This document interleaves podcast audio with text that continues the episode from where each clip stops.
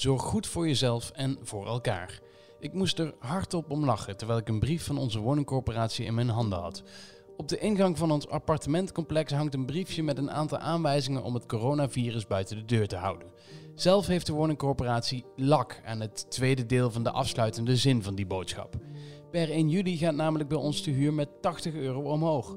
Is dat nu de boodschap die je wilt geven aan mensen die zich zorgen maken over een toekomst nu hun werk misschien op de tocht staat? Ik weet het niet. In Achter het verhaal ga ik, Kevin Goes, in gesprek met de makers van de verhalen in onze krant. Vandaag spreek ik met Cyril Rosman over de situatie op sportclubs nu kinderen weer mogen trainen. Verder spreek ik met Ellen van Galen over de scholen die maandag weer open gaan en heeft Ellen den Hollander weer een baktip voor het weekend. Anderhalve week geleden was daar het verlossende woord. De sportclubs gaan weer open. Voor kinderen dan. En dat werd met gejuich ontvangen, zo vertelt verslaggever Cyril Rosman. Wat ze al uh, gelijk zeggen is dat echt een enorm enthousiasme is. Dat al die kinderen als een soort van uh, koeien in de lente wij uh, het gras oprenden en heel blij waren dat ze weer konden sporten. Ja, dat, de kinderen mogen dus weer sporten, maar er is wel een verschil. Hè. Tot 12 jaar mag je eigenlijk alles met elkaar doen en vanaf 12 uh, mag je geen contact met elkaar hebben. Dat lijkt me wel vrij lastig, want ik, ik zag dat je ook gebeld hebt met een rugbyclub. Ja, nee. Die, die moesten wel echt even heel goed nadenken van hoe gaan we dit nou doen voor de, voor de oudere jeugd. Uh, want dat is natuurlijk een enorme contactsport. Um, dus je had op een gegeven moment bedacht van nou, als we dan oefenen op aanval-verdediging, dan doen we, je mag niet tackelen. Maar dan doen we dat met een soort van rubberen stokken. En als je dan wordt geraakt met die rubberen stok, dan geldt het als een tackle. Um, nou ja, dat, dat, dat werkt. Maar er was ook een, een, een jongen die op een gegeven moment groep van... ik heb nou zo'n zin om er gewoon even heel hard doorheen te beuken. Ja. Dus dat is wel een beetje frustratie. Ja, want dat lijkt me toch inderdaad... Kijk, anderhalve week een beetje uh, rennen en een beetje conditie op, op, op peil houden... Dat, dat is prima. Maar ja, er zullen nu toch wel weer heel veel kinderen afhaken. Ja, dat is wel een beetje waar, het, uh, waar die clubs ook voor vrezen voor de langere termijn. Als die oudere jeugd erachter komt van ja, uh, met voetballen kunnen we alleen maar een balletje overschieten of rondjes rennen rond het veld. Um, dan mis je ze ook gewoon echt de wedstrijdspanning en dat ze ergens naartoe werken.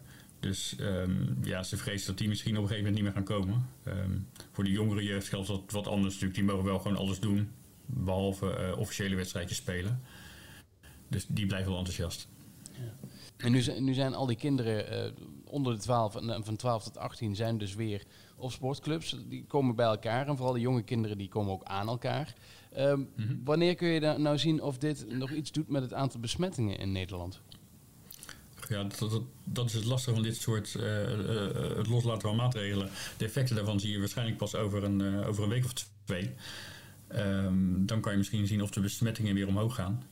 Nou als dat blijkt, dan moet je kunnen kijken waar je toe kan herleiden. En dan zou je eventueel maatregelen weer terug moeten draaien. Ja. Wat, wat zeggen virologen hier eigenlijk van? Van, dit, van dat ze weer allemaal aan het sporten mogen?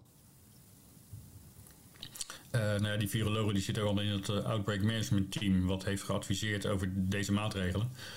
En aangezien het kabinet het, uh, het weer toelaat... neem ik aan die virologen het ook mee eens zijn. Ja. Die willen zelf ook weer sporten. Die willen we golven. Ja. nu was er ook sprake van als het mis zou gaan bij sportclubs, dan zouden er boetes uitgedeeld kunnen worden door gemeentes. Is dat al gebeurd? Uh, voor zover ik weet niet. Ik weet, het, het ging denk ik niet specifiek om boetes, maar gewoon om het weer, weer sluiten van de club. Als de regels niet, niet werden gehandhaafd. maar ik heb even gebeld naar de vereniging Sport en Gemeente, die zeg maar sportclubs en gemeentes bij elkaar brengt. En die hadden nog geen signalen gehoord dat dat de afgelopen twee weken of anderhalf weken het geval is geweest. Ja. Uh, ander punt is dat er vaak ouders mee kunnen. Hè? Die, die komen kijken naar de trainingen en die, die schreeuwen ook heel veel vanaf de zijlijn. die mochten nu niet mee naar binnen. Hoe, hoe gaat dat? Nee, ouders die moeten buiten op het sportpark blijven staan en hun kind bij, de, bij de poort afleveren als het ware. En dat ging tot nu toe overal goed, wat ik hoorde. Ouders bleven inderdaad buiten staan. Die gingen dan bijvoorbeeld vanuit de bosjes achter het hek... gingen ze foto's staan maken van de kinderen die aan bezig waren.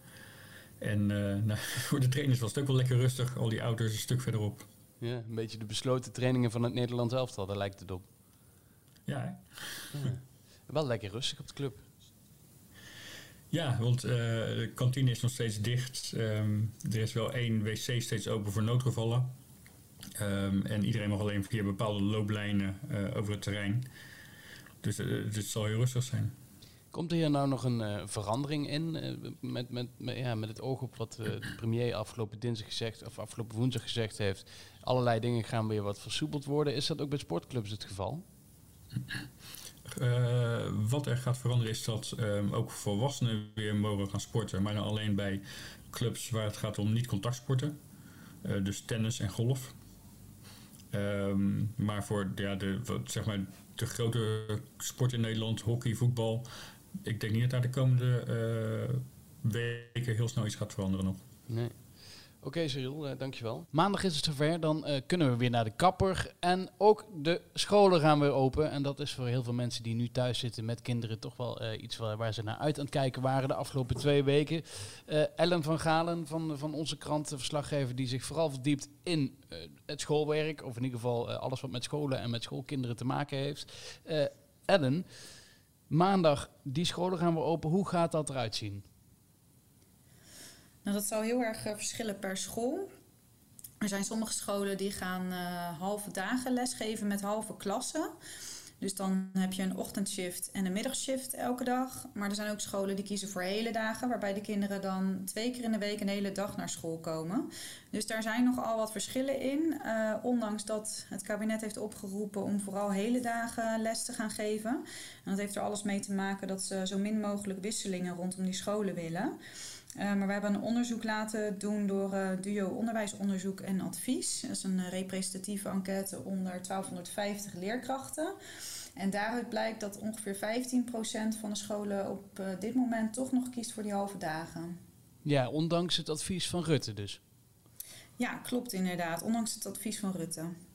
Nu heb je uh, inderdaad die enquête voor je liggen uh, met alle uitkomsten eruit. Uh, wat opvalt volgens mij is dat er heel veel leraren zeggen: ik ga gewoon voor de klas staan. Dat klopt inderdaad. 93% die zegt ik ga gewoon. Uh, al zijn er best wel heel veel twijfels overigens uh, bij ook een deel van die leraren. Omdat zij zich toch afvragen of het wel verantwoord is om open te gaan op dit moment al. Omdat uh, zij vinden dat gedegen onderzoek nog ontbreekt en er nog te veel onduidelijkheden zijn over die risico's bij de besmettingsrisico's van kinderen. Um, ehm, 4% zegt dat ze niet uh, naar, uh, voor de klas gaan. Dat heeft er veelal mee te maken dat zij zelf in de risicogroep vallen. Uh, of omdat ze een familielid hebben dat kwetsbaar is. En dan is er ook nog een groep van 3% die nog twijfelt.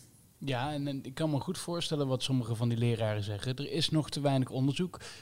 komt er ook een beeld naar voren dat, dat het te vroeg is? Uh, de meesten vinden het uh, uh, wel verantwoord. Dat is ongeveer twee derde van de groep. Maar een derde van de leraren vindt het op dit moment nog onverantwoord.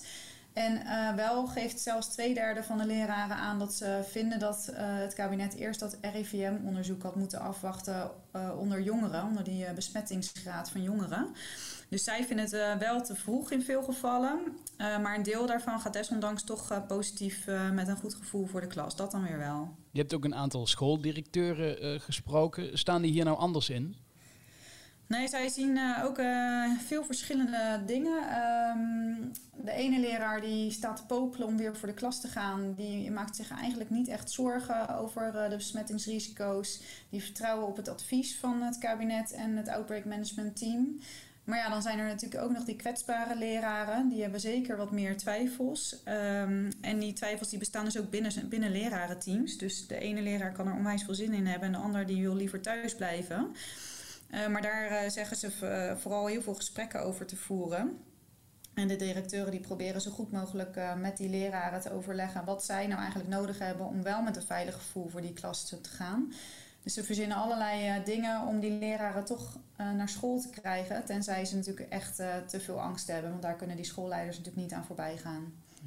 Ja, Ellen, de vorige keer dat ik jou sprak, had je het over een relatiesysteem dat bij jullie in de buurt werkt. Hè? de kinderen worden opgevangen en zo werkt iedereen halve dagen. En, en het was nogal een logistieke uitdaging volgens mij bij jullie in de buurt.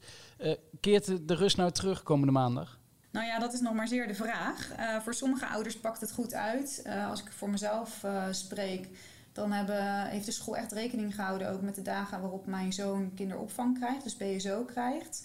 Dus wij hebben mazzel daarmee. Maar ik hoor ook uh, bij, in mijn eigen omgeving dat er veel mensen zijn bij wie uh, er nu schooldagen zijn gekozen. Uh, waarop de kinderen dus niet naar de BSO gaan. Dus dan hou je nog steeds vanaf dat de scholen uit zijn een opvangprobleem. En bovendien zijn dat nou juist vaak de dagen waarop ouders zelf vrij zijn. Dus ja, die schieten er nog steeds niet heel veel mee op. Mm. En bovendien heb je nog steeds het vraagstuk ook: is mijn kind verkouden? Uh, kan het wel echt naar school? Uh, bij een drupje snot word je eigenlijk al geacht je kind thuis te houden.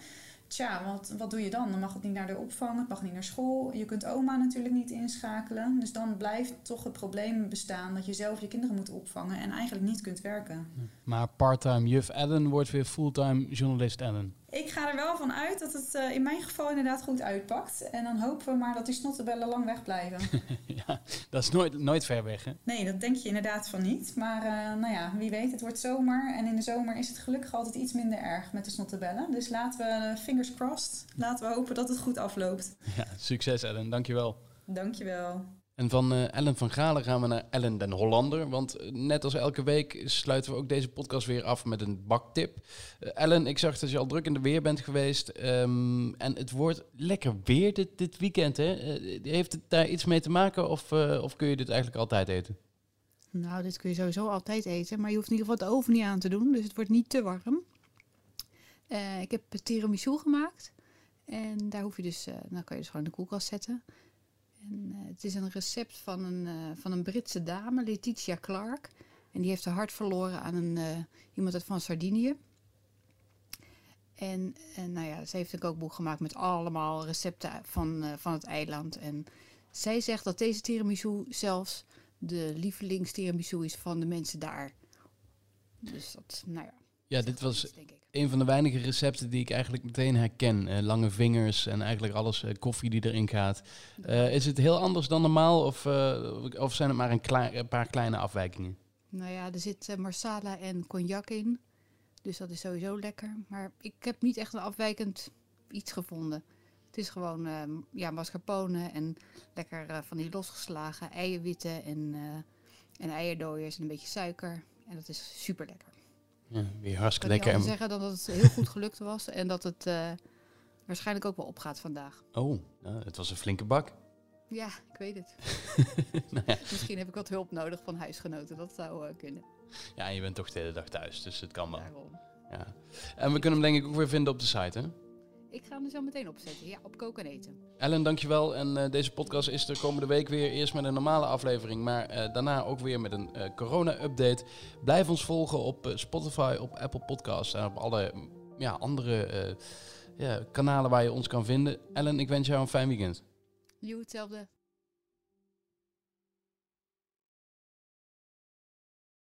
We worden dagelijks overladen met overbodige informatie. En het is moeilijk de zin van de onzin te scheiden. Daarom vertrouw ik op echte journalisten in plaats van meningen. Een krantenmens heeft het gemakkelijk. Word ook een krantenmens en lees je favoriete krant nu tot wel zes weken gratis. Ga snel naar krant.nl. Bezorging stopt automatisch en op deze actie zijn actievoorwaarden van toepassing.